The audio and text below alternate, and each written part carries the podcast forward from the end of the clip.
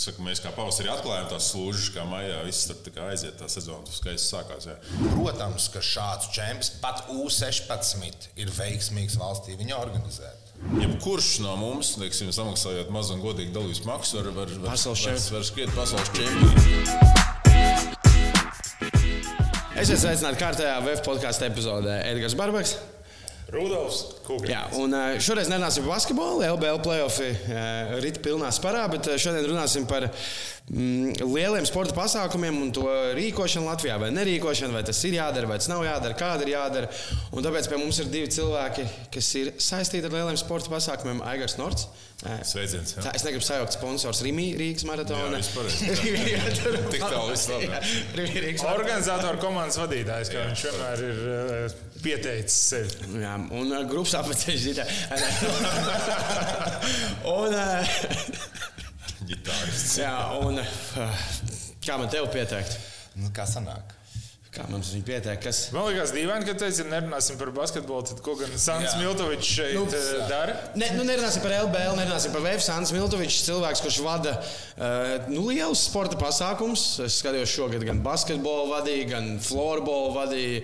Ko tik es nevadīju? Visu vadīju, jā, ok. Un uh, to starp backstage, tā teikt, arī rīko lielos uh, čempionātus. Tā Nu, kas varam. vispār varētu būt otrādi jāpagriež? tā, tā bilde jābūt, bet, bet saturiski jā. Jā, un, un tā kā Latvija ir tikko ir dabūjusi 2025. Un tu atkal nekļūdīji. 2025. gada Eiropas čempionāta basketbolā, kas būs savādāk kā bija 15. gadā, jo šoreiz būs arī Fināli. fināli playoff notiks tieši Rīgā, nevis kaut kur citur. Ā, Es gribēju sākt ar maratonu. Tagad ir ā, cik ir līdz maratonam palicis? Maz. Maz laiks. Ā, Kā tu vispār atradi, nezinu, šeit stundu laikā atnākt parunāt par šo visu organizēšanu? Nu, kāds, kāds ir šobrīd tas grafiks, kad ir nezinu, divas nedēļas līdz maratonam, vai tur jau ir tā kā, ka viss ir gatavs un mēs gaidām, vai galīgi tā nav? Parasti jau visi domā, ka kas tur ir to maratonu uzorganizēt. Kaut kad Nostiep kaut kādu starta lenti, izšauj startu. Pasaules viņi- Jā, jā, praktiski cik tā darba. Nu, pēdējās divas nedēļas jau vairs neko beigt tur nevar. Tur jau ir tāds nu, konvejers, kā jau nu, kā visi lielo pasākumu rīkotāji zina. Nu, viss ir atstrādāts pa, pa, pa dienām, pa minūtēm, kas kad iet ārā. Nu, pēdējās divas nedēļas ir stresains, bet nu, nekā jauna jau tur nav. Ir pierasts, jā. Tas ir pierasts. Jā. Es gribēju prasīt, kā sākās ā, cik, nu, tā maratona organizēšana nu, tev tā kā, ā, šeit, Latvijā. Kad, cik ilgi tu to dari un kā, kā tas sākās? Es zinu, ka tu skriešanu sāki Čikāgā noskrienot 5 km. O, Jā, nu, to, to kaut kur es dzirdēju Latvijas Nacionālās operas podkāstā, kas ir interesanti. nopietni, pilnīgi nopietni. Es biju šokā. Bet ā, kā sākās tā organizēšana Latvijā? Un Pa lielam, tad, kad es biju saskatījies tās. Um, pats saskatījies dažādas maratonas pasaulē. Tas ir Čikāga, ko es biju noskrējis, Ņujorka, kas tur, tur Parīzē, vēl bija Medoks maratons, kur to vīnu dzēra ūdens vietā un tā tālāk. Tad nu, kaut kā jau dzimta tā ideja, ka nu, arī Rīgā būtu jābūt nu, tādam nu, augstu līmeņa laba, lab, labam notikumam. Kā. Jo it kā maratons ir kā no 91. gada Rīgas. Jā, viņš ir no 91. gada, bet, nu, tad, nu, protams, viņš bija sākumā liels, pēc tam lēnām noplaka. Nu, mm -hmm. Skaidrs, tur padomju viss sabruka, tā arī viss tur lēnām beidzās. Bet tad 2006. gadā apmēram bija tas, kad es ā, aizdevos. Toreiz bija mērs Aksēna kungs.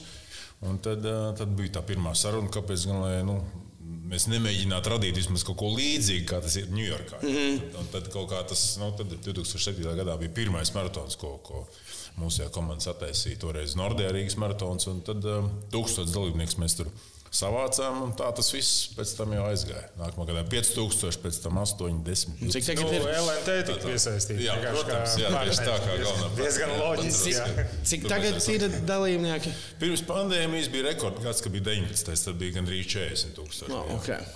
Bet nu, skaidrs, ka es domāju, pat, pat tādiem apjomiem mēs tagad nu, kaut kā tuvākos vien varam aizmirst. Mm. Es domāju, ka nu, pandēmija un karš viņš ir tā kā tomēr um, nu, darī, darījis savu.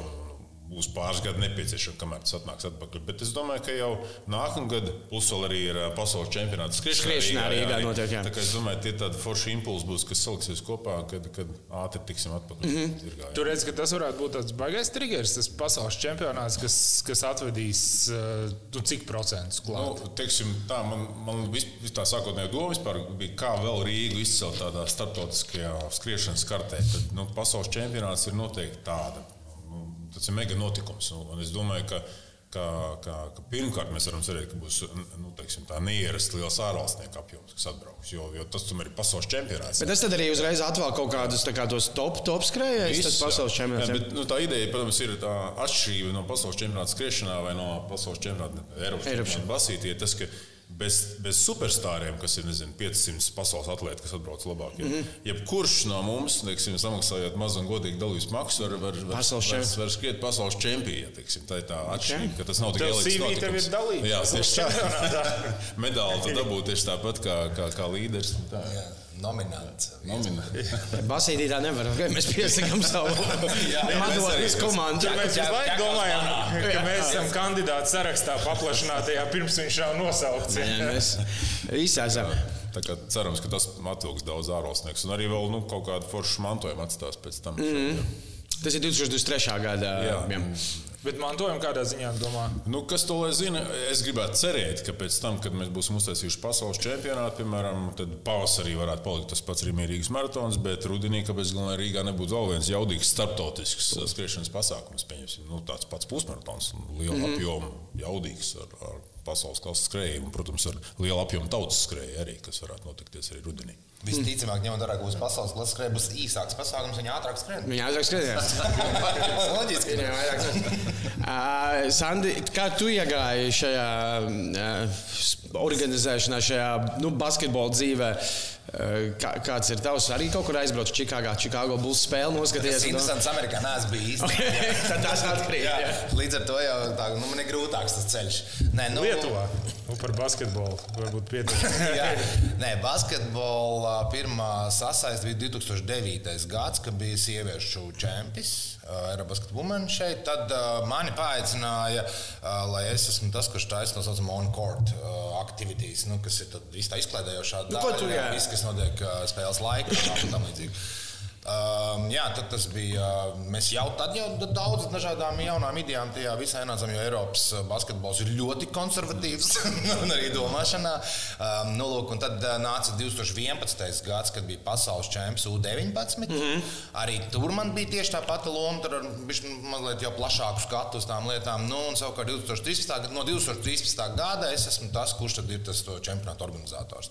Un uh, 2013. gads ir U-18, 2014. 11. U-16 un 20. Eiropas bija. Un pēc tam ir bijis vēl viens sieviešu čempionāts. Jā, tur jau bija īstenībā ļoti, ļoti liela tā komanda, kas jau bija mums uh, savākta un jau ļoti uztrenēta uz to 15. gadu. Principā viņi devās tālāk. Es tikai nebiju vairs tajā komandā, mm. jo, kā saka, meklēju lielāku dzīves izaicinājumu, jo nu, pēc Eiropas basketā kāpt atpakaļ uz kaut ko mazāku, tas ir tāds nu, zūtā adrenalīna. Mm -hmm. Nu, Arī jau tas pasaules čempionāts vēl nav nekad uh, Latvijā rīkots. Jā. Jā, bet uh, nu, tas jau ir. Tas nav, nu, tur jau ir kā, teiksim, tā, nu, kā jebkurš šāds čempions. Tā ir ļoti, ļoti liela kāšu sakritības un ilgs process, tā skaitā basketbola savienības politiskais process, viss kopā, kas ir jāsaliek un valsts beig, beigās. Jo skaidrs jau, ka šādus lielus projektus ir vērtīgi ne tikai netiešā veidā organizēt valstī, bet arī tiešos ieguvumos. Nu, arī, kad mēs runājam par naudu. Nu, loģiski, par to mēs tagad arī gribam runāt. Okay. Uh, cik? Nē, bet labi, gan par maratoniem, cik, tur, cik tas atvēlēk cilvēks, bet es gribēju par to pašu 15. gadu.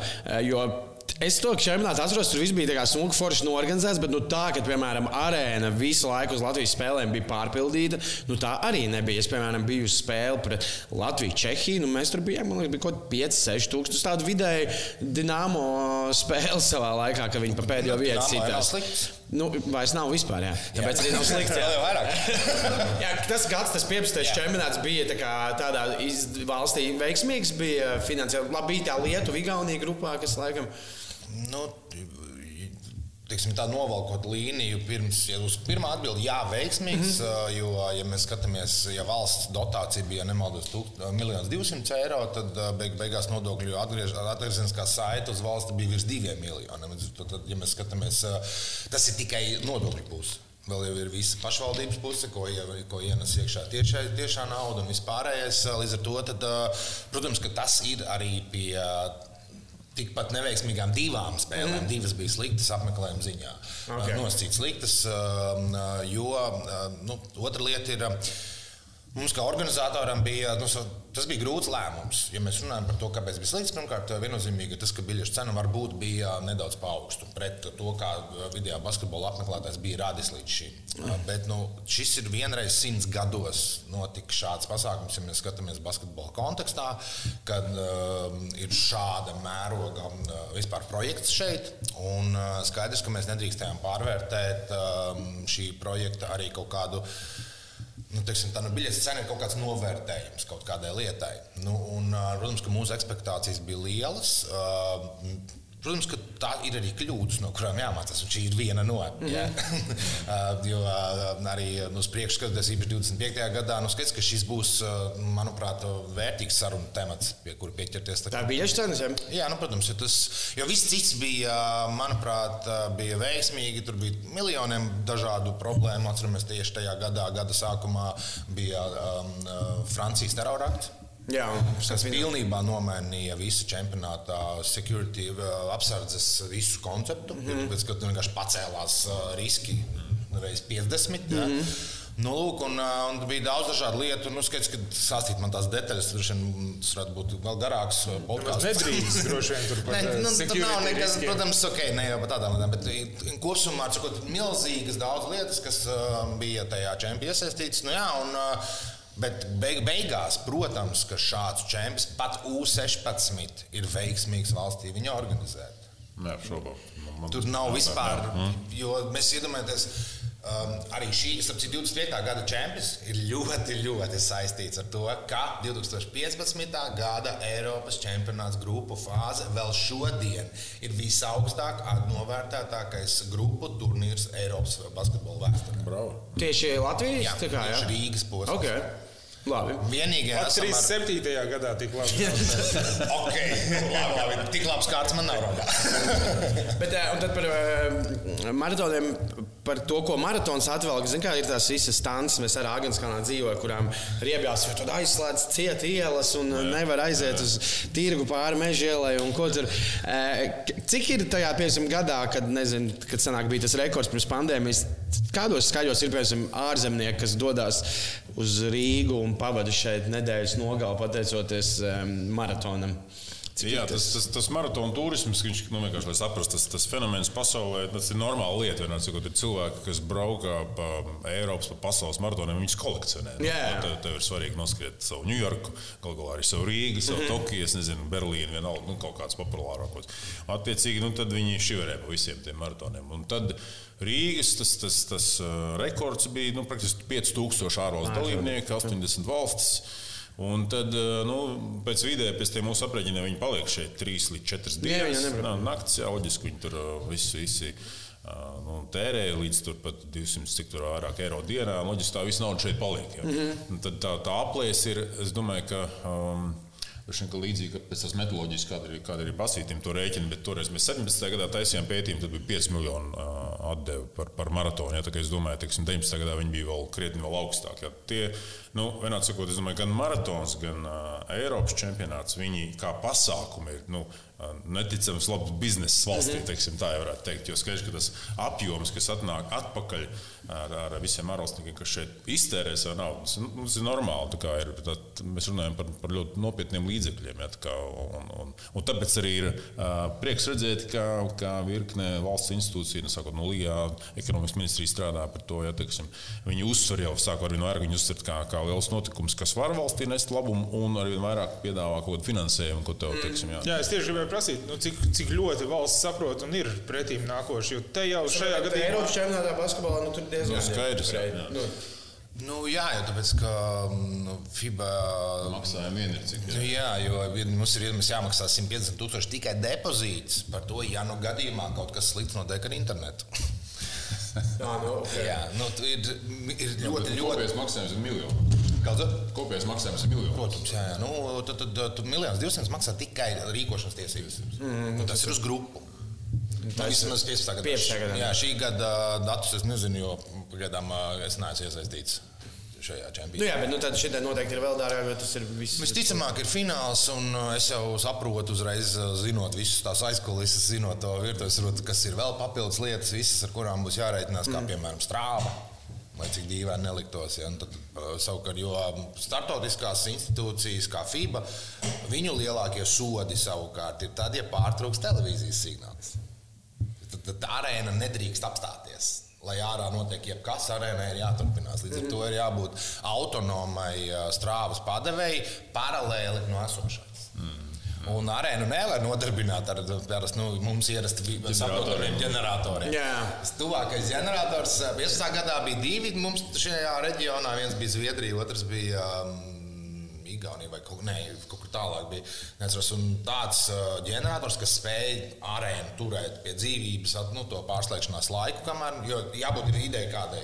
Viens pievads, kas ir standarts, tad ir otrs, un pa vidu vēl ir ģenerators, kas tur, ja gadījumā pirmais nobrūk nu, tāds Snoop Dogg lielības modelis. Ja jūs zināt, Snoop Dogg ir hip-hopā čai lielās, kuram nu, vairāk lielības vienas dziesmas laikā. Snoop Dogg ir čempions, viņam ir, ja nemaldos, 33 lielības vienā dziesmā, no kurām tā lielākā ir, ka viņam ir 9 sniperi, kas viņu sargā, un vēl 30, kas sargā tos 9, lai viņi labi dara savu darbu. Nu, lūk, un līdzīgi ar strāvu ir viens strāvas, tad ir ģenerators, kas tur to pirmo un kā drošību, kamēr pārstāv uz otro, ja tas nobrūk. Nu, lūk, tāds ģēņģis, tuvākais, nu, ko izmaksas tad uz piecām dienām ir virs 100 tūkstošiem. Jā, tas tā ir. Okay. Nu, es varu tikai tādu praktisku padomu pavisam dot. Es tikko esmu no radio ētera. Iztiniet vienmēr vadu, ja jūs Jā, tad gribat kaut padoms, ko darbināt, tādu jaudīgu, piemēram, jā, pūtēji. Viņš sāks kust un uh, kūpēt, un tad ļoti labi, ja arī radio ir tomēr padomājuši par tā saucamo upsi, ja, kas Jā. notur to strāvu un nepārāvām ēteru tomēr. Okay, ļoti labi. Maratonā nav laikam tik lielas, tās, vai tāpat tās. tas- Nu, Maksājuma rūta nav tik liela kā basketbolā, skaidrs, bet, bet tāpat ir, ir nu, teiksim, pašā pasākuma budžets. Vismaz pasaules čempionātam, es domāju, ir nu, 2,5 miljonu eiro, bet mm. maratona budžets ir kaut kāds 1,2, 1,3 miljonu eiro. Tā kā Tas ir tas, bet nu, mēs līdz šim esam, protams, ka mm, vismaz Rīgas maratonu veidojuši tādu, ka, ka viņu teiksim, budžeta lielāko daļu nosacīs privātie sponsori. Uh, un, un, un teiksim, pašvaldības un valsts budžeti ir bijuši salīdzinoši mazi. Mm -hmm. tā, tā, tā, tā iesaiste. Bet, uh, un, protams, ka ir kaut kāda daļa dalības maksas, un visi, protams, domā, ka tas maratons peldās naudā dēļ dalības Es maksas. tieši šo gribēju prasīt, jā, cik tā kā tos bet, bet veido. īstenībā teiksim, tādas tipiski dalības maksas tās ir kaut kāda nu, 30-35% maksimāli. Mm -hmm. Skatos, teiksim, tādā gadā, kā pēc pandēmijas, kad nāk kopā tas ir mazāk par 10%.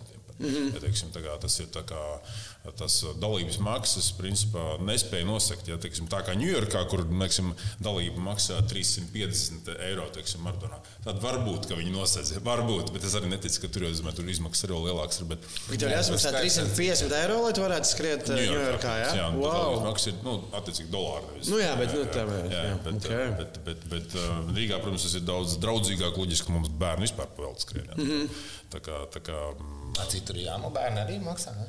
Nu, Zinām, mums tas bērni ir tas kaut kas tāds, ko mēs varam droši eksportēt. Tā, tā bērnu diena, ja pieņemsim tādas lielas bērnu dienas, es pat neesmu Eiropā redzējis. Tas ir dienu pirms. Jā, dienu uh, pirms, jā, tur mazliet izskrienās, piemēram, ir, nu, tā kā bija krastmalā, pirms pandēmijas tur 10 līdz 12 tūkstoši mazie. Nu, nu, atnāk, visi nodod ar medaļām lielās un iet mājās. Nu, tas ir iespaidīgs paskats, jā, tas ir.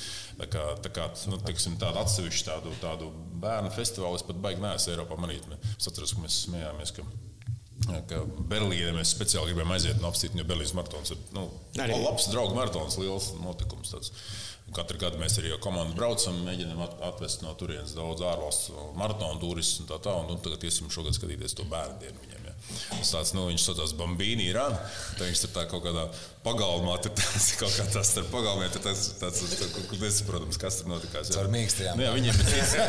Piepūšamajiem viņi, viņi vairāk uh, specializējās uz vienu distanci, kas ir maratons. Tur cits, uh, cits lietas, bet, uh, bet jā. Bet gan jau ka tādā tālredzīga doma ar domu, ok, viņš šodien jā. Jā. skries bērnu, rītā Jā. vēl bērnu, un tad jau kopā ar eh, senčiem skries arī lielo. Tieši tā, jo tas ir vienīgais veids, kā, nu, kā tu vari attīstīt to maratonu. Tas nu, maratons kā tāds, 42 km, viņš jau nu, nevar vienkārši tāpat uzrasties no, ne, no nekurienes. Ja viņam ir vajag to sīko, kas ir izskrējis ar papu vai mammu vai vecmāmu kopā to, to, to, to mazo distanci, un tad viņš ir pēc tam pēc gadiem pamēģina sešnieku un redz, ka vecāks skrien, tad viņš ir nu, nu, tad viņš plānā kļūst par tipinātāju. Jā, teiksim, Es tieši par šo gribēju prasīt. Tas nākamais jautājums gan, tas, gan par maratonu, gan par basketbolu. Cik daudz nu, ir, es nezinu, vai tāds datus ir ievākts, piemēram, kopš tu, tā kā maratons sāk Rīgā palikt lielāks. Nu, vismaz kā es dzīvoju Latvijā, tas ir Latvijā radījis mīlestību pret skriešanu krietni mm. lielāku nekā. Bet kaut kā tāda data, kā cilvēki skrien un kā pavadīja to laiku, tāda jau es nezinu, ir kaut kur pieejama, vai tas maratons ir tā. Tiešām padarījis Latviju sportiskāku arī ne tikai par tādu Es, es, not- es noteikti, es, nu, mums nav tāda konkrēta data, bet man nav vispār šaubu par to, ka tas, ka tas tā noticis. Jo, jo nu, um, ir, ir skaidrs, ka viens ir nu, kā, kā skriešanas, kaut kāda attieksme pēc skriešanas, tā pasākuma atpazīstamība, kā ir augusta tie datums, tāda pilnīgi noteikti ir. Bet, nu, tas, man, priekš manis galvenais ir tas apliecinājums, es nu, personīgi pazīstu neticami daudz cilvēku, kas ir paši sākuši kā nu, pilnīgi tādi nu, neticībnieki. Nu, tādi, mm. sērijas, nu, tur, un tagad viņiem sīki ietragā. Nu, kā, nu, Pagājuši tam arī 15 gadi, kopš mēs tā zinām, 16 gadi. Mm kā, nu, tur redz, ka viņi jau savus sīkos vēl iekšā, un tas viss ir tāds sniegbumbā aizgājis, radušies gal galā. Nu, bez maratona tagad ir, ir virkni citu skrējienu, ir, bija, bija Steinbuks, ir skrien Latvija, bija pirms pandēmijas, tagad šogad atkal ir atsācies. Tā kā, nu, tas viņš ir, viņš ir veselā tāda pavilcis līdzi tādu masu, un tā kā, tas ir normāli arī. tā Kā. Kā tu skaties uz tiem, kā uz, uh, uz pasākumiem, kas principā veicina arī dalībnieku skaitu tavā maratonā, vai nosacīt kā uz konkurentiem, jo varbūt kāds Konkurentiem noteikti nē. Tī- Nu, draugiem, no sadarbības partneriem. Nu, teiksim, nu, tā, nu, es, es, es domāju, ka, ka, ka vi, viņi visi ir noteikti ir bijuši ieguvēji no tā, no tā, ko maratons bija paveicis. Nu, tad, nu, saka, mēs kā pavasarī atklājām tās slūžas, kā maijā viss tur tā kā aiziet, tā sezona skaisti sākās. Jā. Un, un te pašā laikā mēs domājam, ka mēs iegūstam no, jo tur nav, nav ko konkrēti buki, buki skrien no mežā, teiksim tā. No, cit, citiem patīk pilsētā, skriet, citiem mežā. Es pat negribu pretstatīt. Nu, skriet gan tā, gan tā. Jā, tur, tā kā, tā kā es domāju, ka tas kopējai lietai nāk tikai pa labu. Un, un mums vēl nu, tur visiem kopīgi kaut tāls ceļš lai, lai tas būtu. Lai pirmkārt atgūtos no tās pandēmijas, otrkārt, lai vēl augtu, turpinātu augt. jā. Tu joprojām saki, tāls ceļš, kaut arī, nu, ja mēs paskatāmies to ceļu, kas ir noiets no tā Jā. pirmā tūkstoša vai kaut kā pieciem tūkstošiem, kur teica otrajā reizē, un tagad Gold Label pasaules čempionāts skriešanā, nu, liekas, ka jau faktiski mēs jau esam jau tur ceļā tajā pašā Tā, galā, kur tālāk jau vairs nav kur iet. Tev ir pilnīgi taisnība. Es, es vairāk biju domājis to, ka nu, es, es būtu rītīgi laimīgs tad, ja tieši maratona distancē pieņemsim mums skriet, nu, es nezinu, 10,000 cilvēku. Nu, tas, tas tad Cik skrien tas- šais divnieki tev? 42, nu, teiksim tā, arī pirms pandēmijas 2,5 Jā, ok. tūkstoši vai 2200. Jā. Tagad, teiksim, es domāju, šogad būs kaut kā 1200, piemēram. Nu, visi 42. izslimojuši, zin kā, nu, nevar tomēr Nu, jā, jā, garu jā, uzreiz. jā, jā, jā. Nu, Tas, tas, Sāks ar kā. Ir, ir jākāpj atpakaļ. Jā, jā, tā saka, jā, jāatcerās, kā tas bija. Jā. Jā, tā kā- Uh, un par basketbolu 2015. gads uh, tur ir kaut kas, kaut kā, kā tev liekas, tāds liels fórums Latvijā arī bez tās finansiālās. Tas rosina kaut kādu, nezinu, jauniešu bērnu. O, viss šitais te notiek Latvijā. Es redzēju to, jāiet trenēties basītī, jāiet spēlēt. Vai, nu, Nu, man liekas, ka basketbolam kā tādam nav tāda baigā problēma. arī Latvijā. Nu, man liekas, ka Latvijā viņš ir gan aktuāls, gan labs. Manuprāt, lielākais ieguvums pēc di- ar 2015. gadu ir drīzāk šī fanu kultūra. Mm. Un es teiktu, ka šis jau tajā laikā uzbūvētais koncepts, sastais spēlētājs, kas Mūsu zem Latvijā arī nav no tā. arī mūsu zem Latvijas ir. Jā, tas viss ir nu, atvedis līdz tam, ka šobrīd basketbols, man liekas, tā, arēnā notiek basketbols. Visi saprot, ka tie ir tādi, bas- nu, tādi jau nākamie svētki. Mm -hmm. tā, nu, tas jau viņš ir tāds bišķi citu. Un, uh, nu, te ir nu, tiešām, es teiktu, ka tas ir basketbola savienībai Maličs, ka izmantoja to laiku, to, to mirkli un to čempi. Lai noturētu to, to, jo katru reizi, kad izlases spēles, nu, pastāv arēna vienkārši nu, pulsē. Nu, super. Un tas ir tas, kas arī dzen, veicina protams, interesi par šo sportu, nu, kas notiek uh, diezgan organiski. Nu, dienas beigās, protams, ja mēs. Es saku, nu, man liekas, ka basketbolam paskatāmies, kura basketbola skola pilna. Džeki aug. Un, Nu, tur ir kaut kādas problēmas sistēmā. Ne? Nu, basketbols ir cits stāsts, nu, bet uh, sist, uz sistēmu nevar norakstīt uh, sporta. Un arī mums ir veiksmes, ir gal galā mums ir kam sekot. Mēs zinām, ka vienmēr ir vajadzīgs tas elks. Mums ir šobrīd tie džeki, kas spēlē tajā nu, top mm. līmenī un labi spēlē. Protams, tur arī notiek izmaiņas un jukas ceļiem un viss kaut kas notiek. Ja? Bet neatkarīgi no visa viņi ir tur. Mums vajag šos elkus skrie, skriešanu atpakaļ. Pēc, uh, Prokopčuka palīdzēja tajā dabūt cilvēku. Es domāju, ka Ļenis tas stāsts bija nu, unikāls. Nu, tomēr, nu, nu, tas nav. Nu, Bet viņi uzvarēja Bostonā. Ja? Viņi ir ne... nē, viņi ir divreiz Ņujorkā uzvarējuši. Man liekas, Bostonā viņi ir bijusi divreiz trešā. Es Jā. nu, negribu tagad samalot no galvas, bet nu, viņi ir bijuši viena no pasaules top gargabalniecēm. Londona tāpat. Uh, to- Negribu to samalot, bet viņi ir. Londona arī, man liekas, ka jā. To, nu, cik Japānā viņai tas, tas sieviešu maratons, kurā viņi arī Latvijas rekordu uzstādīja 222, kurš, domāju, būs ilgs gads, būs neaizsniedzams daudziem. Jā. Kas ir ar šitā meču, kas tagad to Antarktīdu paņēma? À, nu, ta, tas ir atkal tādā atkal pilnīgi citā plāksnē. Tas ir tā, tautas skriešanas no tādā Jā. aspektā. Jā, bet, nu, protams, Lūdzu, ā, es domāju, maratons ir.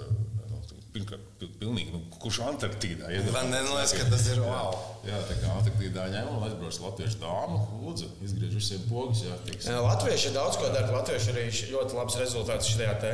Eh, Spartatlonā dabūjām, Jā, kas jā, ir eh, jā, jā, 246. ka Tur nu, no Spartas līdz Atēnām. Es, es tajā vasarā, kad es gatavojos pusmaratonu, nu, nevis pas- pavasarī, tas čalis man bija jāintervē čalis, kurš ir atbraucis no turienes. Mm. Un tad es atceros, man likās, un es viņam prasu, viņš tā, es prasu, nu, kas bija grūtākais. Viņš tāds, Nu, tur, kad 12. stundā bija tas 19 km kāpums, tas nebija viegli. Mēs tam citām, mēs par um, izdošanām, neizdošanām basketbolā, nu, piemēram, pasākumos un arī gan hokeja. Tagad rīko tādu lielu fórumu kā Eiropas čempionāts basketbolā eh, un vispār pieskās rīkošanai. Domā par to, kāda mums uz to laiku varētu būt izlase. Jo man vienkārši tā, tā sajūta, eh, divi sieviešu čempionāti notikuši Latvijā. Vienu mēs atceramies 2009. gads, jā, kā tādu veiksmes stāstu, jo tā bija izlase, kur tur bija Gunta Baško, Jēkabsone. Nu, visa tā olimpisko spēļu izlase, tur bija, es atceros, Forši, man liekas, pret Krieviju bija spēle, kur bija varēja pilna arēna, viss labi. Un tad bija 2000, kurā gadā bija 19. vai kad bija, kad tas sieviešu čempionāts, kad tā izlase bija bez tiem uzvārdiem, un tas Eiropas čempionāts pazuda Latvijā. Tu nekur nevarēji redzēt, ka viņš vispār notiek. Tā aizgāja uz spēli pret Zviedriju. Zviedrijai bija vairāk eh, cilvēku, skatītāju Zviedru krekliņu un Zviedru dāmām nekā Latvijas dāmām. Vai tas ir kaut kas tāds, ko tagad nu, ņem vērā, kāda, ok, mēs pieskamies uz 2025. kāda varētu tajā brīdī, vai Latvijas izlasē brīdī būt konkrēti spēki? Ir kaut kāda faktora. Protams, um, LBS kontekstā skaidrs, ka viņiem tas ir jādara, un tas ir viņiem nu, kaut kāda analīze ir jāveic par to. Bet uh, man liekas, ka tas svarīgākais aspekts jau ir tieši cits. Um, tas, ko mēs iepriekš aizskārām, jautājumu par to, kā iesaistīt sportā. Un, ja tu neorganizē šādus pasākumus, tad jautājums, kur tad viņi redzēs, piemēram, ko par sieviešu basketbolu mēs zinām ārpus Eiropas čempionāta. Īsti, nu tā. Mēs zinām, ka kaut kur figurē meitas spēlē un labi spēlē Eiropā, kā kaut kur, bet tas ir tur tālumā. Mm -hmm. Jā, bet mums šeit, lai mūsu šeit vietējās meitas varētu uz to mudināt, ir viņas nu, šie ir Jā. ļoti jaudīgi motivatori. Nu, šāds, mm -hmm. Viņām ir jāredz tieši tā īstenībā, īstenībā tie, wow, ka tas ir iespējams un tas ir tepat. tas Jā. var aiziet. Vīriešu kontekstā, protams, ka izlasēm, nu, atceramies, 2009. tā paša gada būt vai nebūt, vai kā bija. Tagad vai nekad. Tagad vai nekad, jā, atceramies. Uh, pēc tam notika grūts posms, kad bija, kā saka, maiņa, jā. Tad savukārt bija 15. gads, kuram īstenībā bija milzīgs potenciāls, jā. Nu, manuprāt, nenostratējām slikti, bet varējām labāk, kā tas jau vienmēr sportā, ja nav pirmā vieta, vai ne? Ne, bet nu tik jau plēsoņos. Un tagad 25. būs nu, tāds pēc sajūtām nākamais, tagad vai nekad. Nu, daudziem tāda skaļa iespēja. Man liekas, ka 25. gadsimts diezgan veiksmīgi sakrist, jo ir džaļi, kas jau, teiksim, tā, līdzīgi kā Jānis Blūms, ir vienmēr licies, ka viņš vienmēr zina visu par basketbolu. Ja, nu, ka viņš ir tādā, ka viņš nu, kā komandas kapteinis vienmēr varēja mierīgs būt un viss kārtībā. Tad man liekas, ka 25. gads būs arī, jo būs džaļi, kas jau būs super apbražājušies visur. Mums mēs redzam, ka jauni super džeki nāk ārā, parādās tā baigie talanti. Ka bija būs tricārā tieši. Jā, kas būs uz pīķīti. Jā. Tā kā es domāju, ka 25. gads varētu būt. uh, Nu, es, ceru. Varbūt jau- tikai saukli vajag citu tomēr. Nu, to varbūt. Jā, tas lai paliek. uh, Netaisam video WhatsApp Bulgārijā. Tās lietas atstājam pagātnē. Bet, kā. nu, starp citu, Jānis Blūms jau saka, ka viņš nav nospēlējis savu pēdējo spēli vēl. Izlasē? Par izlasi es neteiktu. Es domāju par basketbolu. Par basketbolu es domāju, ka noteikti nav. Noteikti, ka nav jo tāpat kā hokejs, tāpat kā basketbols, no agrā vēl viņam jau tas mm, asins jau iegurlējās. Es, es tieši tāpat cerēju, ka Liena vēl nav noskrējusi savu pēdējo maratonu, jo, jo nu, teorētiski viņi ir paziņojuši par aiziešanu, bet uh, mums bija vienošanās, ka tas būs Rīgā toreiz. Uh, 19. gadā, bet, bet nu, nesakrit tā, ka, kad, kad veselības problēmas bija, viņi pēc 5 km toreiz izstājās. Tas bija tas emocionāls moments. Jā, tā kā, tā kā es ceru, ka kas to lai zina. par maratonu es gribēju vēl par prasīšiem vārdiem. Vispār, kā, kā ir maratonā, ir maratona turisti, tie, kas brauc un skrien maratonus. Bet ir kaut kas tāds, kas tā kā, var piesaistīt, kā, oh, mums, labi, nu, bez Latvijas, bez tur ieļņas, bet mm. re, kur būs šis skrējējs, un tas liks kaut kādiem vēl cilvēkiem kā, nu, pievērst tam lielāku uzmanību. Vai ir tādi uzvārdi? Es domāju, ka jā, jā. pasaules kontekstā tas pats Elijūds Kipčogi, kas ir, mm -hmm. kas ir nu, superstarrs, teiksim, kurš ir piedalījies tajā zem divām stundām maratona projektā, ko viņš, viņš bija. Tas iz, izskrēja arī. Tur, kur viņam bija tie visi, kur viņš nu, kur jā, jā, jā, speciāli. Nu, protams, tas neskaidrs oficiāls pasaules rekords, bet nu, kā, kā, kā piemēram tāds vārds, jā, vai, vai tik, tikpat labi Mo Farā no, no ah, jā, Lielbritānijas. Jā, nu, tā ir, ir nu, jebkurā gadījumā Paula Redklubs savu, savu laiku, kurš rekords praktiski, nu, viņi bija Rīgā arī uz, uz 19. gada atklāšanā mums bija, kā, kurš rekords krita tikai tikko, ja, burtiski nu, pirms, pirms dažiem gadiem, ja, tā kā nu, nostāvēs bija cik ilgi ir pāris vārdi, kas ir tādi lieli. Ja. Bet tas, tas nav vienīgais, kas pievelk teiksim, tos maratona turistus. Viņiem, protams, arī viss kaut kas cits interesē. Ātra trase, teiksim, tā, ja, teiksim, nu, kas Berlīna vienmēr bijusi. Ja, bet, Bet nu, tagad, tādā, tādā organizatoru ironijā visiem vienmēr saka, nu, pasaka, pasaka man, cik liels tavs budžets, pateikšu, cik ātri tev trasi ir. Ja, tā kā, tā kā nu, nu, tādām lietām cilvēki pirms, protams, kurā pilsētā tas notiek, ja, teiksim, vai trasi ir centrā vai kaut kur iet, tur bijās, es nezinu, kaut kur pa nomulēm, ja tā kā tie ir aspekti, nu, medaļa gal galā kāda ir, ja, tam arī pievērš uzmanību. Ja, medaļa arī, jā. Jā, jā, nu, jo, es saku, šī no profesionāla sporta, teiksim, jebkurš no dalībniekiem tev beigās viņam tiek pasniegts svinīgs medaļas. Es esmu saņēmis. Jā, tas ir. Tā kā tas ir. Neprasa, cik daudz es noskrēju, bet es noskrēju. Sešīt, vai tā kā vēl piecīts bija? Nē, desmitnieks. Okay. Nu, re, nu, tā kā tev ir arī, ir ko piesprost pie sienas, jau radiem parādīt visiem. Jā, Tas, tas ir, es gribēju pateikt, tas Jā. ir gan tāds viens liecinājums, kad, kad Latvijā kad tas maratons ir padarījis nu, to skriešanu. Jo, tad, kad ej ciemos pēc, nu, kaut kur sanāk, iet tur ciemos pēc cilvēkiem, nu, mm. katrā dzīvoklī tu kaut kur redzi, vienmēr, visos dzīvokļos viena, divas kaut kas karājās. Kaut kur ir tā Rīgas maratona, kad arī visiem, man liekas, mājās. Tā, tas, tas ir forši. Tas mērķis ir jā, panākt to, ka nav mājas, kurā nav šī nekarājas. Jā, jā. Tas tomēr man liekas, ka būtu tāds, jā, ka katrā dzīvoklī pa medaļai. Tad, tad vēl ir tas īpašais tā lieta, kad, kas ir cilvēki pēc maratona, pirmdienā, otrdienā. Tad, nu, redz, tiksim, nu, Staigā piela ar medaļām skaklē. Varbūt pie mums vēl nav tik ļoti saistīts. Bet, bet, bet, teiksim, tad Ņujorka, kur es esmu vairākas reizes skrējis, tā ir tāda normāla lieta.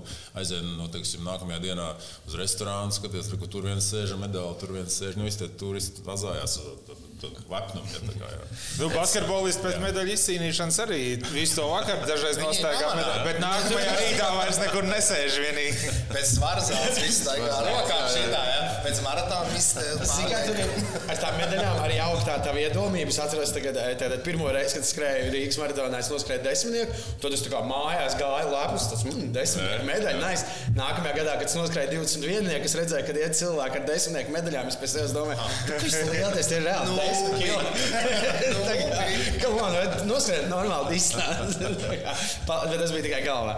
Uh, es to gribēju, tu saki, tas ir tas, kas maina, piesaista cilvēks. Ātra, lēna trase. Rīgā skaitās kāda trase? Ātra. Jo mums jau, mums jau, mums jau nav kalna. Kalna nav kalna. Plakana, Tilts. Tas ir bruģis.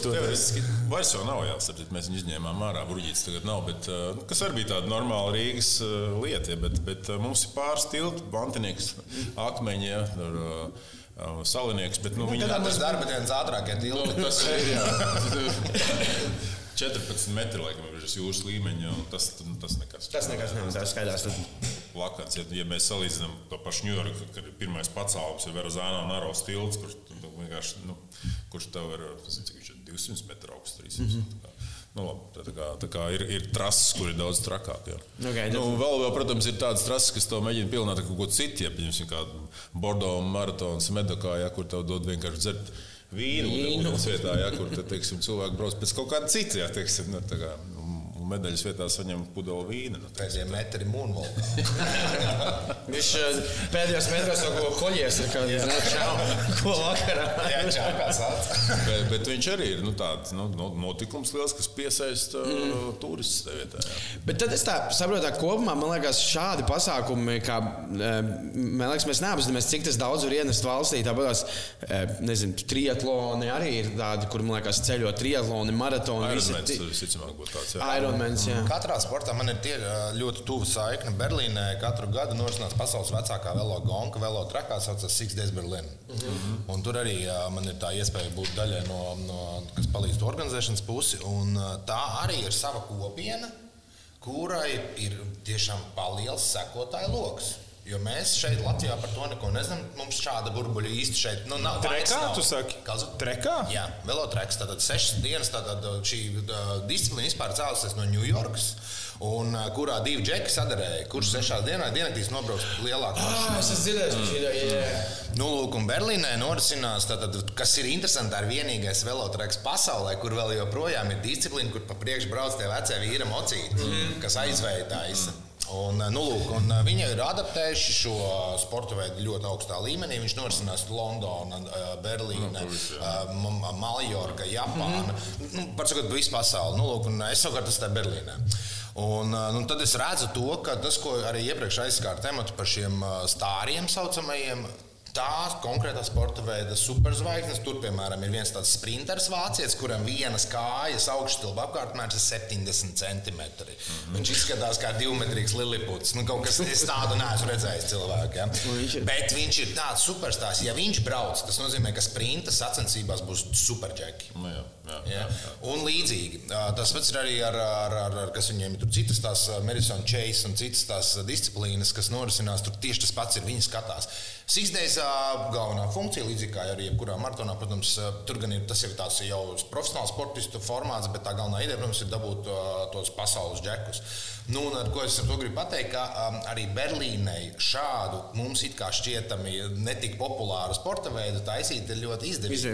Līdz ar to tāds triatlons un vispār visticamāk, ja pasaules tā interese un cilvēka interese, ja kaut, kaut kāda par to ir, skats, ka tas ņem līdzi turismu, interesi, um, parādīt jā. citu sabiedrību. Tas vienkārši prasa laiku, līdzekļus, to tradīciju un zīmolu uzbūvēt. Un īpaši, ja runa par Eiropas līmeni, lai to zinātu pasaulē, ka tā brauc, tas vienkārši prasa daudz laika. Jā. Bet, bet jā, nu, es domāju, tas labs piemērs ir Ironman, visi, kas pa pasaulē ir super populāri.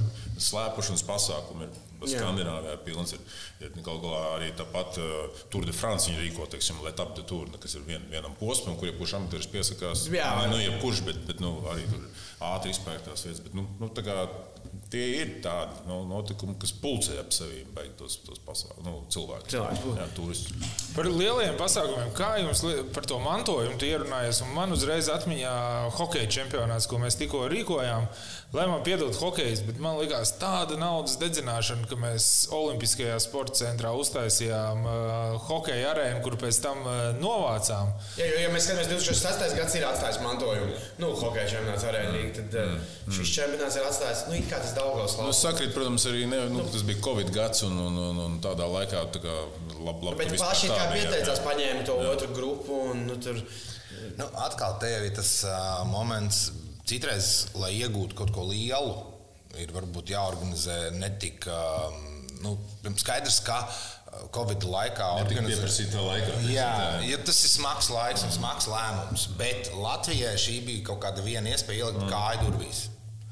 Un, jo tālāk jau jāstāsta uz priekšu, kā nu, vienmēr ir noteiktās sarunas par jebkuru čempionu, jebkuru, jebkuru, protams, Latvija, ja būtu iespēja rīkot vēl vienu hokeja čempionu, tas teikt, protams, ka vajag. Nu, bet rekur jau tā iespēja jau iespējams ir. Nu, jā, jā, jā, tāpēc es saku, eh, visu laiku. Tas ir Krievijas vietā. Jā, jā. Tāpēc jau visu laiku ir jāstāsta, un arī hokejam ir lielisks turisms. Brīnišķīgs. Tur ir tāds sekotāju pulks. Un tā ir publika, kurai es nezinu datus, bet es pieļauju, ka ļoti līdzīga uh, tai turismu, tā iztērētā nauda ikdienā, ko tērē, nezinu, basketbolists vai maratonis vai līdzjutējs vai dalībnieks. Viņš jau tur diezgan tuvu tam visam. Uh, Es gribēju prasīt, tad, ko Latvija izdarījusi ir labi tai FIBA, kad FIBA šādi, nē, nu tu teici, ka ļoti labi tā grupa ir bijusi, bet kad Latvijai ir atļauts, piemēram, šobrīd rīkot to fināls, pusfināls, ar visu to, ka arēna Rīga teorētiski neatbilst, tur pietrūks 2000 kaut kādas vietas tam, kam būtu jābūt it kā minimālajiem uz playoffiem arēnai. Bet ar visu to FIBA, tā kā teica, ņemiet, nu tā kā šoreiz būs mazāk. Tā kā tas ir tiešām tās dēļ tā 15. gada. Ne tas... tikai, nu, pirmkārt, arēnām, ja nemaldos, tad uh, es vismaz atceros no 15. gada prasības uz fināla fāzi. Sēdvietu skaitam ir jābūt 15,000. Tā jau vai pat 5 minūtes arēnā. Jā, mēs arēnā 15. gadā es uzbūvēju ar papildus tām visādām tribīnēm, ko mēs tur sataisījām. Mēs dabījām 11,000. Tad, mēs, nu, principā pusotru tūkstošu, 11,5 ja nemaldos, bija tas, ko mēs varējām, tas soldauts, kas bija. Um, kāpēc ir iedots šis? Nu, līdzīgi kā 15. gads, arī šajā gadā, ja nemaldos, ir Ukraiņa. Ukraiņas stāsts nedaudz iesaistīts, kas, protams, nu, uz finālu pretendēja vēl Ukraiņa un Krievija. Jā, jā, līdz ar to tā, tā cīņa, kas, protams, ir neatkarīga no visiem, ir brīnišķīgs sasniegums, nu, kam vispār mums tas ir. Bet, um, Un otrs ir FIBAI, iespējams, es nezinu, kas tur ir, kāds ir tas FIBAS gaiteņu stāsts. Par to es neesmu interesējies, bet es esmu pārliecināts, ka nu, ja vai nu kāds jau ir tikko bijis, un varbūt viņiem nevajag dot par daudz, arī tas ir loģiski, jo, ja tu būvēsi divreiz vienā valstī, uh, turisms tik bieži pēc viņas -hmm. nenoilgojas. Nemitīgi pēc viņas. Līdz ar to uh, ir jābūt kaut kādām nemitīgām uh, izmaiņām, īpaši basketbola turisms, nu, kurš jau skaidrs, tās top 10 komandas ir zināmas mainās. Nu, lielākoties viņas jā. ļoti minimāli mainās. Nu. Un tu zini, kuri tur būs tie cilvēki. Nu, jā, ok, skaidrs. Bet tad, nu jā, man liekas, likās jokā, ka tā kā FIBA tā, nu, nu jā, bet jā, tas Krievijas un Ukrainas jautājums, tas ir tas, ko es aizmirsu, jo tie bija galvenie. Pēc tam vēl bija, jā. jā, Somija vēl bija vienīgais, pēc, nu, tāds reālais pretendents uz, jā. uh, un tad viena grupa šobrīd nav iedota ar cerību, ka viņi varētu, varbūt vēl iedot Ukrainai. Nu, jā, Somijas stāsts jau arī ir brīnišķīgs, jo Somija 2015. gadā mēs viņus aicinājām toreiz kā partneru valsti, un viņi nepiekrita. Jo viņiem bija sajūta, nu, ka viņi visu var paši un labāk. Kāpēc? Tāpēc, ka, kāpēc mēs arī gribējām Somijas toreiz, jo Somijas jau brīnišķīgi parādīja pasaules kausā Spānijā. Somu fanu telts, kas bija uzbūvēts toreiz, tur ir kaut kas, manuprāt, es tādu fanu teltu redzēju. Tas bija reāls uh, pozitīvs Viņa reāli, es kaut ko tik iespaidīgu nebija. Viens DJs tur vadīja ap kaut kādiem 20 tūkstošiem. Nē, nē, es vienkārši tieši tāpat arī viņi man rādīja to video. Es ar lielām acīm skatījos. Mēs ar Edgars Šnepu tā laikā ģenerālsekretāru abi divi tāda wow. Nu, tas ir kaut kas tiešām nu, super. Bet tas kaut kas ir Somijam, jo Somijam arī es skatījos tie, kas ir uzstājumi, nu, tagad varbūt mazāk, bet kad vēl bija Kimija Raikonens, visur Spānijā, Itālijā, visu ballīti uztaisīja Somu Kimija Raikonena fani, kas brauca nu, milzīgos daudzumos. Nu, tā, kā. tā fanošanas kultūra brīnišķīga. Līdzīgi kā florbolā. Nu, es biju pārsteigts, tagad florbolā kā ņemās Latvijas fanus neatpazinu. Nevienā brīdī nebija klusums arēnā. À, Latvijas piemēram, jā. Fina. Un tur, tur Somu un Igaunu, Igaunu pa volejbolu es redzēju, kā jūs mācāties. Jā, jā. Nu, kosmos. Super. Pa šito. Pa basketbolu tagad arī, ir tā gada. Jūs redzat, kā atcerieties spēli Latvijā-Igaunijā, ka vēl, vēl puslaikā bija mīnus 10. 17. Kaut kas tāds, jā, tā bija. Jā, es toreiz no stresa nu, ēdu paklusot ar stūri. Jo, principā, nu kā, nu, man bija ļoti vienkārši. Ja šo spēli zaudēt, čempions ir nav izdevies. nu, tad viss tur bija iznācis, nu, tāpēc man bija all in. Es gāju ēst. Bet, e, ne, par floorbola tas ir, man liekas, vēl vispār citādāk. Tur ir tie čaļi, kas, piemēram, spēlē lekringā, nu, tas ir arī tas ir tautas sporta veids. Nu, un tie cēsnē, kas fano, viņi tur fano par savu veikalu pārdevēju, savu krustbērnu, savu, nu, to visu. Starp citu, fono uh, ir lekrings ir sagaidīts pēc ēsīm ar policijas eskortu un uz savu afterparty vietu ir aizvests ar policijas eskortu no cēlās robežas. Tā, nu, tā lai saprastu. Līdzīgi kā mēs sagaidīšu Tramvaru pēc pirmās metālas no lidostas. Tas pats tāds. Nu, vai arī tagad izlas. Es vai prasīt. Ko, ko, nu, daži pasākumi, daudz kas ir jārīko. Piemēram, vēl veiksmīgs stāsts Latvijā no tādiem lieliem pasākumiem ir uh, rallycross nu, kas arī ir tāpēc, ka mm. tur ir vārdi un tur mm. brauc skandināvi un viņi tērējot slimi daudz naudas. Nu, O, jā. kā- Nu, ķēgums vēl droši vien, es teiktu. jā, jā, Jā, jā. Es domāju, ka kopumā tāds nu, vidējais Latvijas ir izlutināts ar dažādiem pasaules mēroga notikumiem, kas pirms notiek. Nu, Es tieši gribēju teikt. Un es šo gribēju teikt, zinu, cik Latvijas ir izlunāts. Eh, Es šo- es šonadēļ, jūs zināt, kas Latvijā šodien pasaules, nu, Eiropas mērogam liels, bet latvieši praktiski neviens. Futzāls. Nu, rītdien ir UEFA Champions League futzālā Final Four arēnā Rīga.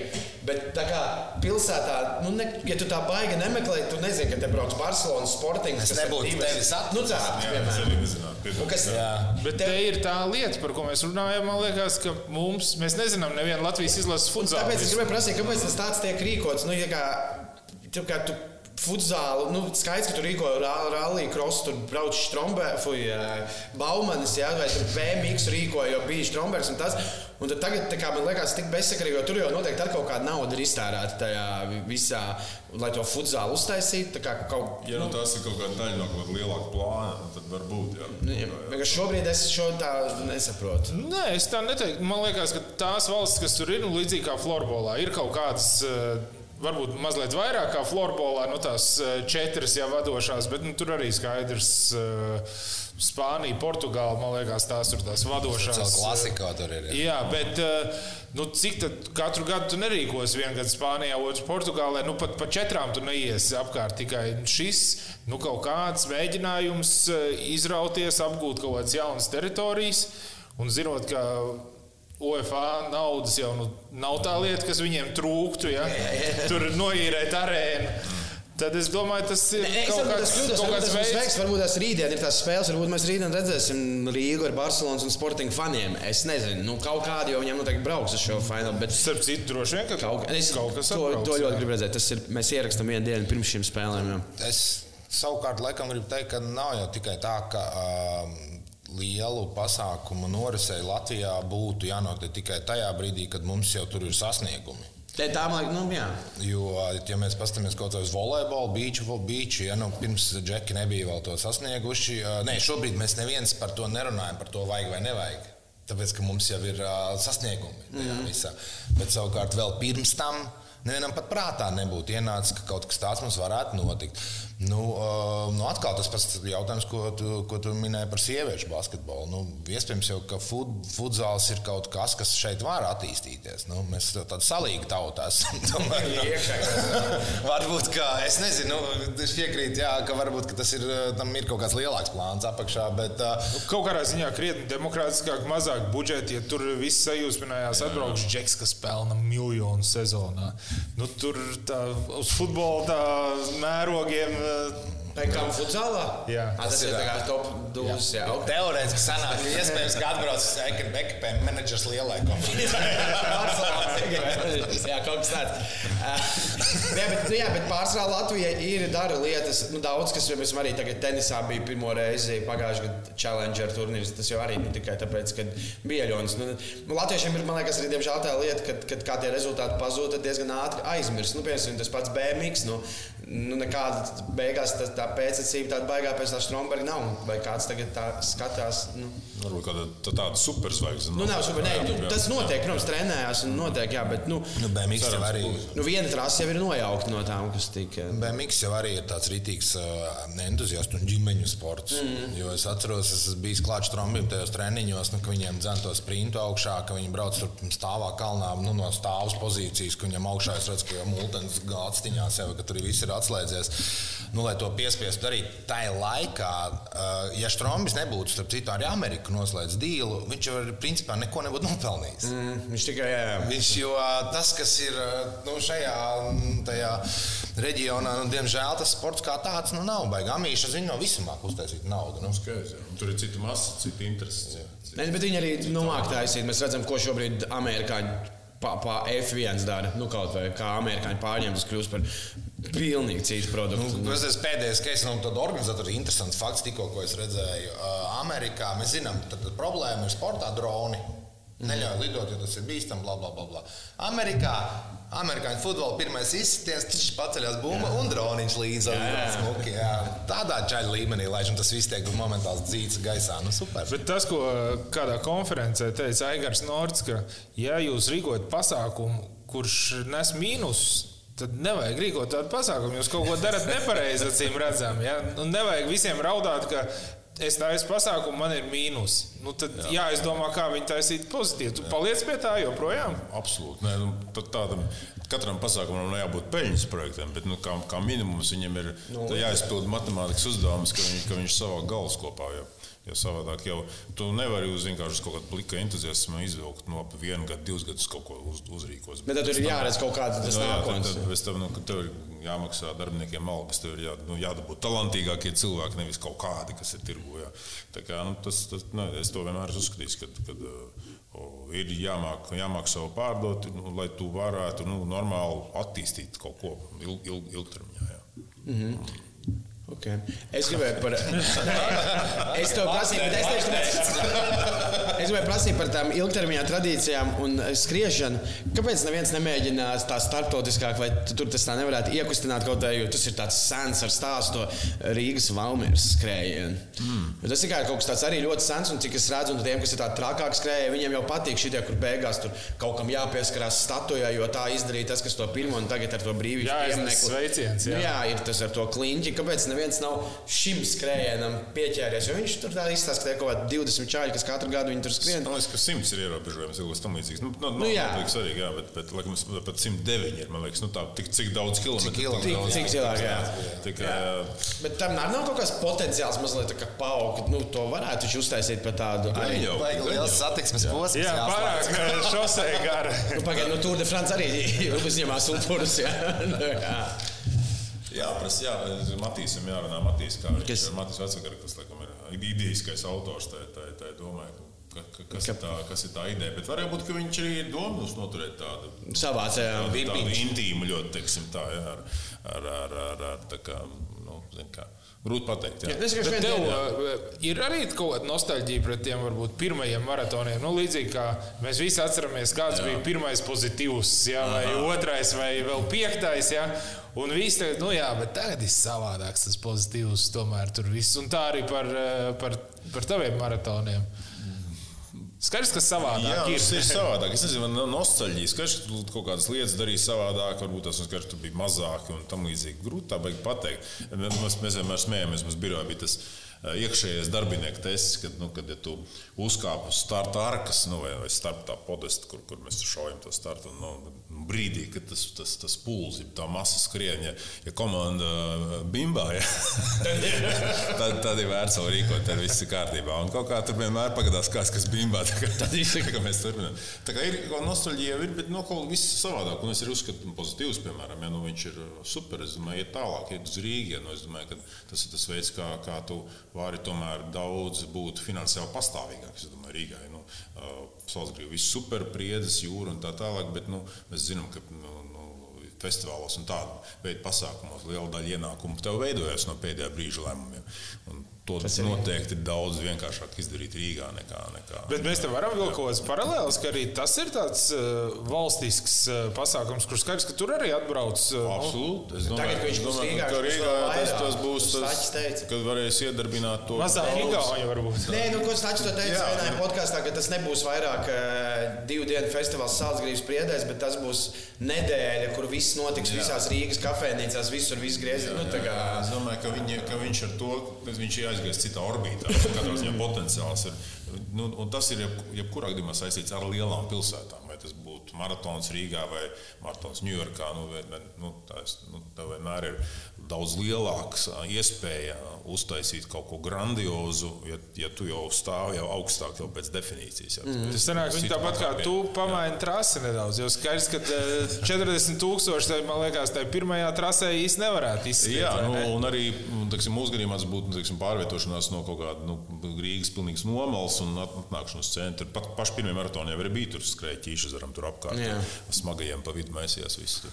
Kaut kā tā, tā kā, tā kā jā, es domāju, ka atnākšanu uz centru, vai tiešā vai pārnestā nozīmē palīdz visiem. Nu, kā, nu, mēs nevaram arī iedomāties, ka Pasīšu čempionu taisīt maz, mazā mazpilsētā. Tur, tur ne, ne tur arēnas, ne tur, ne tur potenciāli. Nu, Latvijas fanu zonas Fanu pie zonas pieminekļa. cits, jā, tas cits, jā, Pie jā, pieminekļa, jā. tas vēl, protams, nu, tiek rādīts, jo tas, nu, Nā, kur bija tā kā skatīšanās, nu, ja tu negāji uz Jā, jā, jā. tur negāja zarē, tad bija iespēja skatīties čempionu pie, pie, pie pieminekļa. Tur Renārs ņēmās Jā, jā. un viss. Un, un tas arī dzen, ir viens no tādiem rītīgajiem bonusiem, mm. ko rāda citam rekuriem. Skaties, rekā vajag. Rekā vajag, jā, jā. 100 kvadrātmetru ekrāni. Jā, kur nu, vienkārši kosmos bija toreiz. Un, uh, protams, skaidrs ir starp citu čempioni. Lille, starp citu, jā, Lillas keis uh, fināls ļoti švaks bija. Ja? Un es to nesaku, tāpēc, ka nebija Rīgā, bet tāpēc, ka mēs pēc tam aizbraucām uz. Tā ir 15. gads arī. Un, nu, vienīgās, vienīgā, protams, aktivitāte bija no lēšiem, jo tie izdara visu. Viņi izdemolē miestu un arī viens otru. Tad tas ir jā, tur viss ir Tā tur nekas nebija. Jā. Nu, tā. Nu, švaki, nu, tu staigā pa to arēnu, principā pa tādu pašu būvi, kā viņi atslēgta vaļā šodien. Tev tur kaut kur pa kaktiem ir kaut kāds neēdami hotdogi tirgojās un apsardzi. Tu vispār nesaproti īsti, ko dara.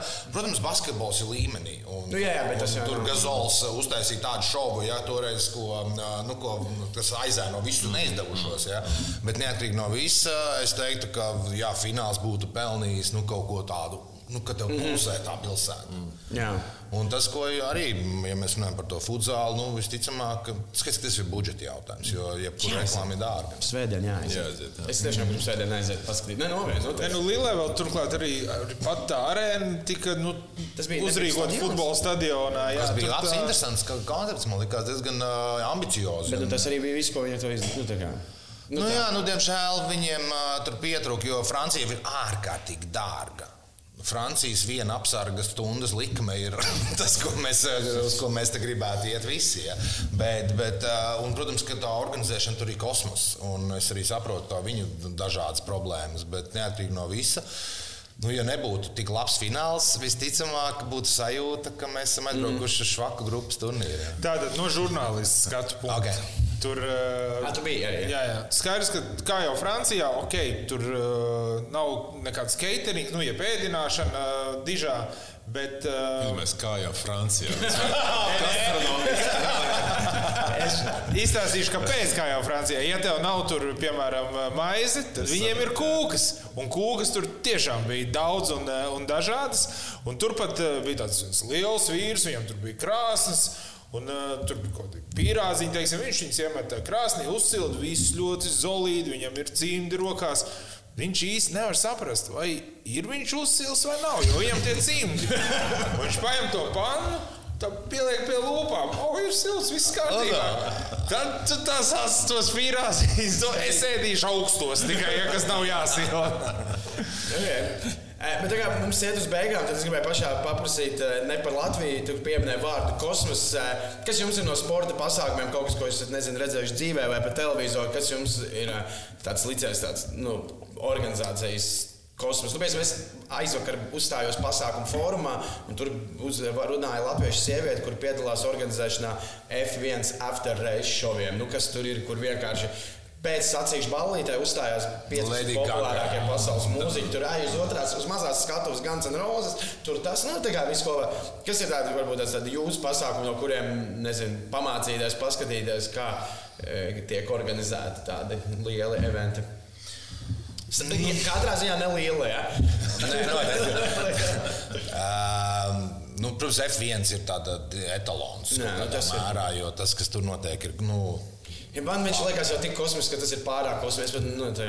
Nu, jā, līdzīgi kā, kā Burning Man ir arī. Nu, jā. Jā. Tas arī ir kaut kas tāds super. Bet, ja mēs no sporta pasākām, tad es neteiktu, ka tas ir tas, no kā ir jāmācās. Bet tas nu, ir varbūt īstenībā jāmācās un kam ir jāpievērš uzmanība. Jo tāpēc, ka to, ko redz tur, visticamāk, mēs drīz redzēsim arī klasiskajā sportā, ir e-sports.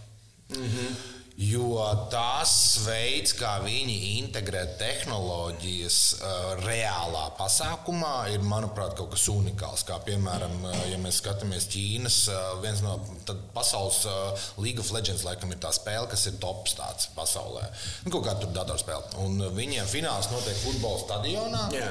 un skatītāji ir fiziski uz vietas. Bet skatītājs redz, piemēram, sevi ekrānā, un viņam apkārt lido kaut kādi animēti, brīnum, reāli integrēti dzīvajā laikā, īstajā vidē. Okay. Mm. Un, uh, es pats biju aizbraucis apstīties arī uz uh, Berlīni uh, vienas uh, e-sporta turnīra fināla fāzi.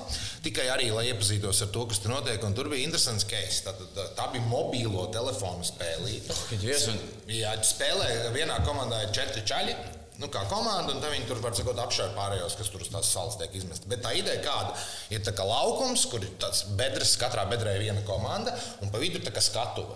Un uh, tad es tagad skatos, sākās atklāšanas šovs. Man liekas, nožēlojams. Nu, es skatos, šis šāds dūmiņš iznāk kaut kāds tur šķīpēcājs čalīts, jā, viss forši, laikam kaut kāds stāsts. DJs, viņš nostājas uz vidas, skan muzons, man liekas, nu, tāda faņērečka, ja mierīgi griežās, džeks kaut ko tur stāv pie groztas pogas un beidzās. Un visi tur baigā sajūsmā. Un es nesaprotu, par ko tā sajūsma izrādās. Viņi online skatās telefonā. Un tur viņam ir noticis šovs ar animētiem skatuves okay. biedriem.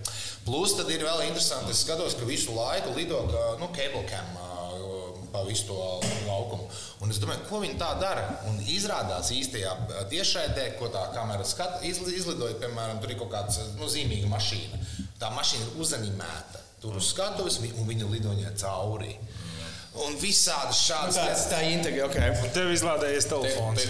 Te Man liekas, ka tā tehnoloģija ja ir interesants case, kam, nu, kam vajag arī pievērst uzmanību. Jo, protams, ka mums jau ir organizatoriem, ir nu, interesi. Visticamāk, vajadzētu otru podkāstu par visādām veiksmēm un neveiksmēm. Ja? Jo tur būtu kalniem ar interesantiem stāstiem. Bet beig beigās. Uh, Nu, mūsu uzdevums jau ir viens, ir sportists, notikums, beig beigās matemātika, jā, un, un viss kopā. Nu, tas jāsasumē, tas mm. ir.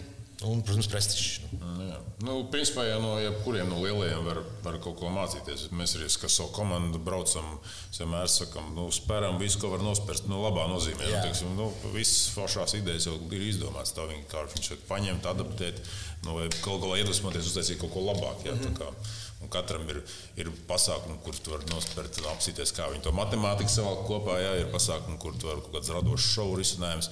Un ir, nu, teiksim, ir pasākumi, kur neko nevar pamācīties, kā Romā, kur itāļiem vienkārši lafā viņi vispār tur izsiet pašplūsmā. Jā, bet, bet, nu, kā, kā, nu, tur var kā, pamācīties, kā nedarīt. Kā nevajag. Vai kā nestresot. Jā, nav labāk no cita mācīties, kā nedarīt. Es tieši gribēju papsīt, tā kā, tā kā šitais ir nu, tādas idejas, kā piemēram, jo tas man likās, ka eh, tas fīgi man tos nevajadzēs, bet tagad tev ir grūti, tu skrien man tos 200 km, tas palīdz. Nu, piemēram, tas tur kora kilometrus jā, jā, jā. Vai tautas tie dejotāji, tas ir, tas ir no kaut kurienes arī ņemts. Nu, um, protams, ka izklaide trasē tā ir normāla lieta. Mm -hmm. nu, teiksim, tas tā ir. Bet nu, kā, kā to koru un, un, un dziedātāju, un īpaši pat cik mums ir dziesmu tradīcija, yeah. mēs esam mēģinājuši viņu ievilkt iekšā. Nu, es, nu, tādā izpratnē, laikam, tā ir latviešu unikāla. Mm. Teiksim, es gribētu tā domāt. Nu, tad, tad, to mēs īpaši gribam tajā pasaules čempionātā izvērst. Katrā maratonā arī viņi vienmēr bijuši klāt. Nē, to koru atstāt. Viņš tiešām tagad tev iet uz beigām visu, tad tu skrien caur tam, tev ir tāds tā kā Latvijas bāliņš aizies. Viņš, viņš ir celsies augšā gaismas pils. Tāda 500 kuras tam ir. Nē, tā tā episka sajūta. Tas ir tā kā. Nu, tā. Manā tā, nu, man tas, kas likās tāds pāris pasaules, nu, to gan man liekas, nevar paņemt, jo tur ar tā matemātika viņam sādāk, bet uh, tas, kādos tempos un kādu skatu bija šogad uh, Superbolā. Uh, mm. nu, viņa jā, jā, kā viņi tika uzbūvēti, cik viņi ātri tika nost un nu, kāda viņi bija. Nu, tas vienkārši bija mm. nu, kosmos. Un tur bija forši, ka tur bija Latvijā ražota prožektori no NA. Nu, to jau, starp citu, arī Lady Gaga. Nē, nu, to ļoti daudz, daudz, daudz. Arī izmanto, jā, bet, nu, jā, protams, Superbols ir pasaulē nu, visskatītākais TV. Vienas dienas, vienreizējais.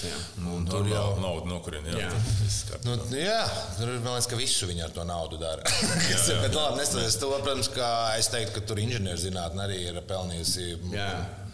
Nē, nē, man pazīstamie kaut kādi skatūnieki, kas ir pēc tam no entās reizes skatījušies to kā, Tagad viņi ir, tagad ir reklāma, un tur jau ir futbolisti. Mm. Viņi nav cilvēki, kas ikdienā strādā uz skatuvēm, nav sapratuši, mm. kā tas vispār ir reāli bijis iespējams. Bet jūs maratonā esat domājuši par kaut kādu maratonu afterīt lielo, tiešām ar lielo koncertu, piemēram, ar, ar skatu Lucēlā salā. Nu, tad pie- pie- būtu jāpievelk klāt poz- pozitīvs un aiziet. Jā. Bet, nu, teiksim, šogad jau arī nu, mums visas, ā, visa finišā, visā laikā tur ir gan Busuls, gan Ansis, gan Aija Andrejeva un, Ukraiņu grupa, viena Sjatava atra. Tā, tā kā nu, tādā ziņā nu, tie šova elementi skaidrs, ka viņi nāk iekšā, viņiem, jau tur, viņiem tur jābūt. Tur. Bet, bet uh, varbūt, ka jātaisa ir aftīs. Un starp citu, tā ir lieta, kas ir, kas ir nu, daudz sportam jātaisa. Ir nu, tā kā mierīgi, kā es teicu, var ņemt lietas no kultūras, var ņemt lietas no mūzikas, nu, teiksim, var daudz vairāk nu, viens no otra mācīties. Nu, tā palielo. jo bieži vien sportisti nu, aiziet beigt sportisko, ja, jā, tur tur nu, kultūra, mūzika. Vispār mm. neko par to nezinu. Jā, teiksim, nu, tādā ziņā Amerika, protams, ir labs paraugs, jo tur tas, nu, tas viss ir galvenais ir šovs. Ja nav šova, tad nekā. Nu. Pat uh, NBA pēdējo minūtes pārtraukumu uh, televīzijai ir pīla visas tiesības intervēt galveno treneru. Jā, jā, jā. Mm. Nu, starp citu, to pašu F1 amerikāņiem atkal, nu, viņiem vajag, lai ir šovs, šovs, viņiem tur tās Eiropas tradīcijas īpaši neinteresē. Un Liberty Media ir pateikuši, ka tas Monte Carlo eh, mēs visticamāk ņemsim laukā.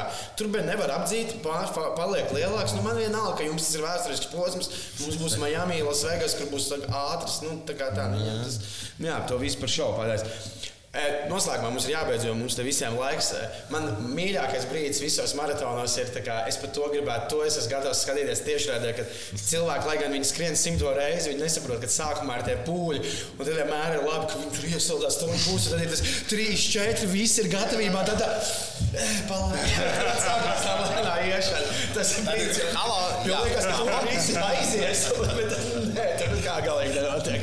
Tā kā viss vienmēr ir gatavi. E, Paldies, ka atnācāt! Un tiekamies Rīgā Rīgas maratonā. Un 2025. Un, uh, nu, pagaidi, īsti basketbola draugi jau līdz tiksies Latvijas-Lietuvas pārbaudas spēlē. taisnība, jā. Nu, VF spēlēs to viņas tiks. Arī tur. Jā. Arī tur. Jā, paldies un tiekamies Paldies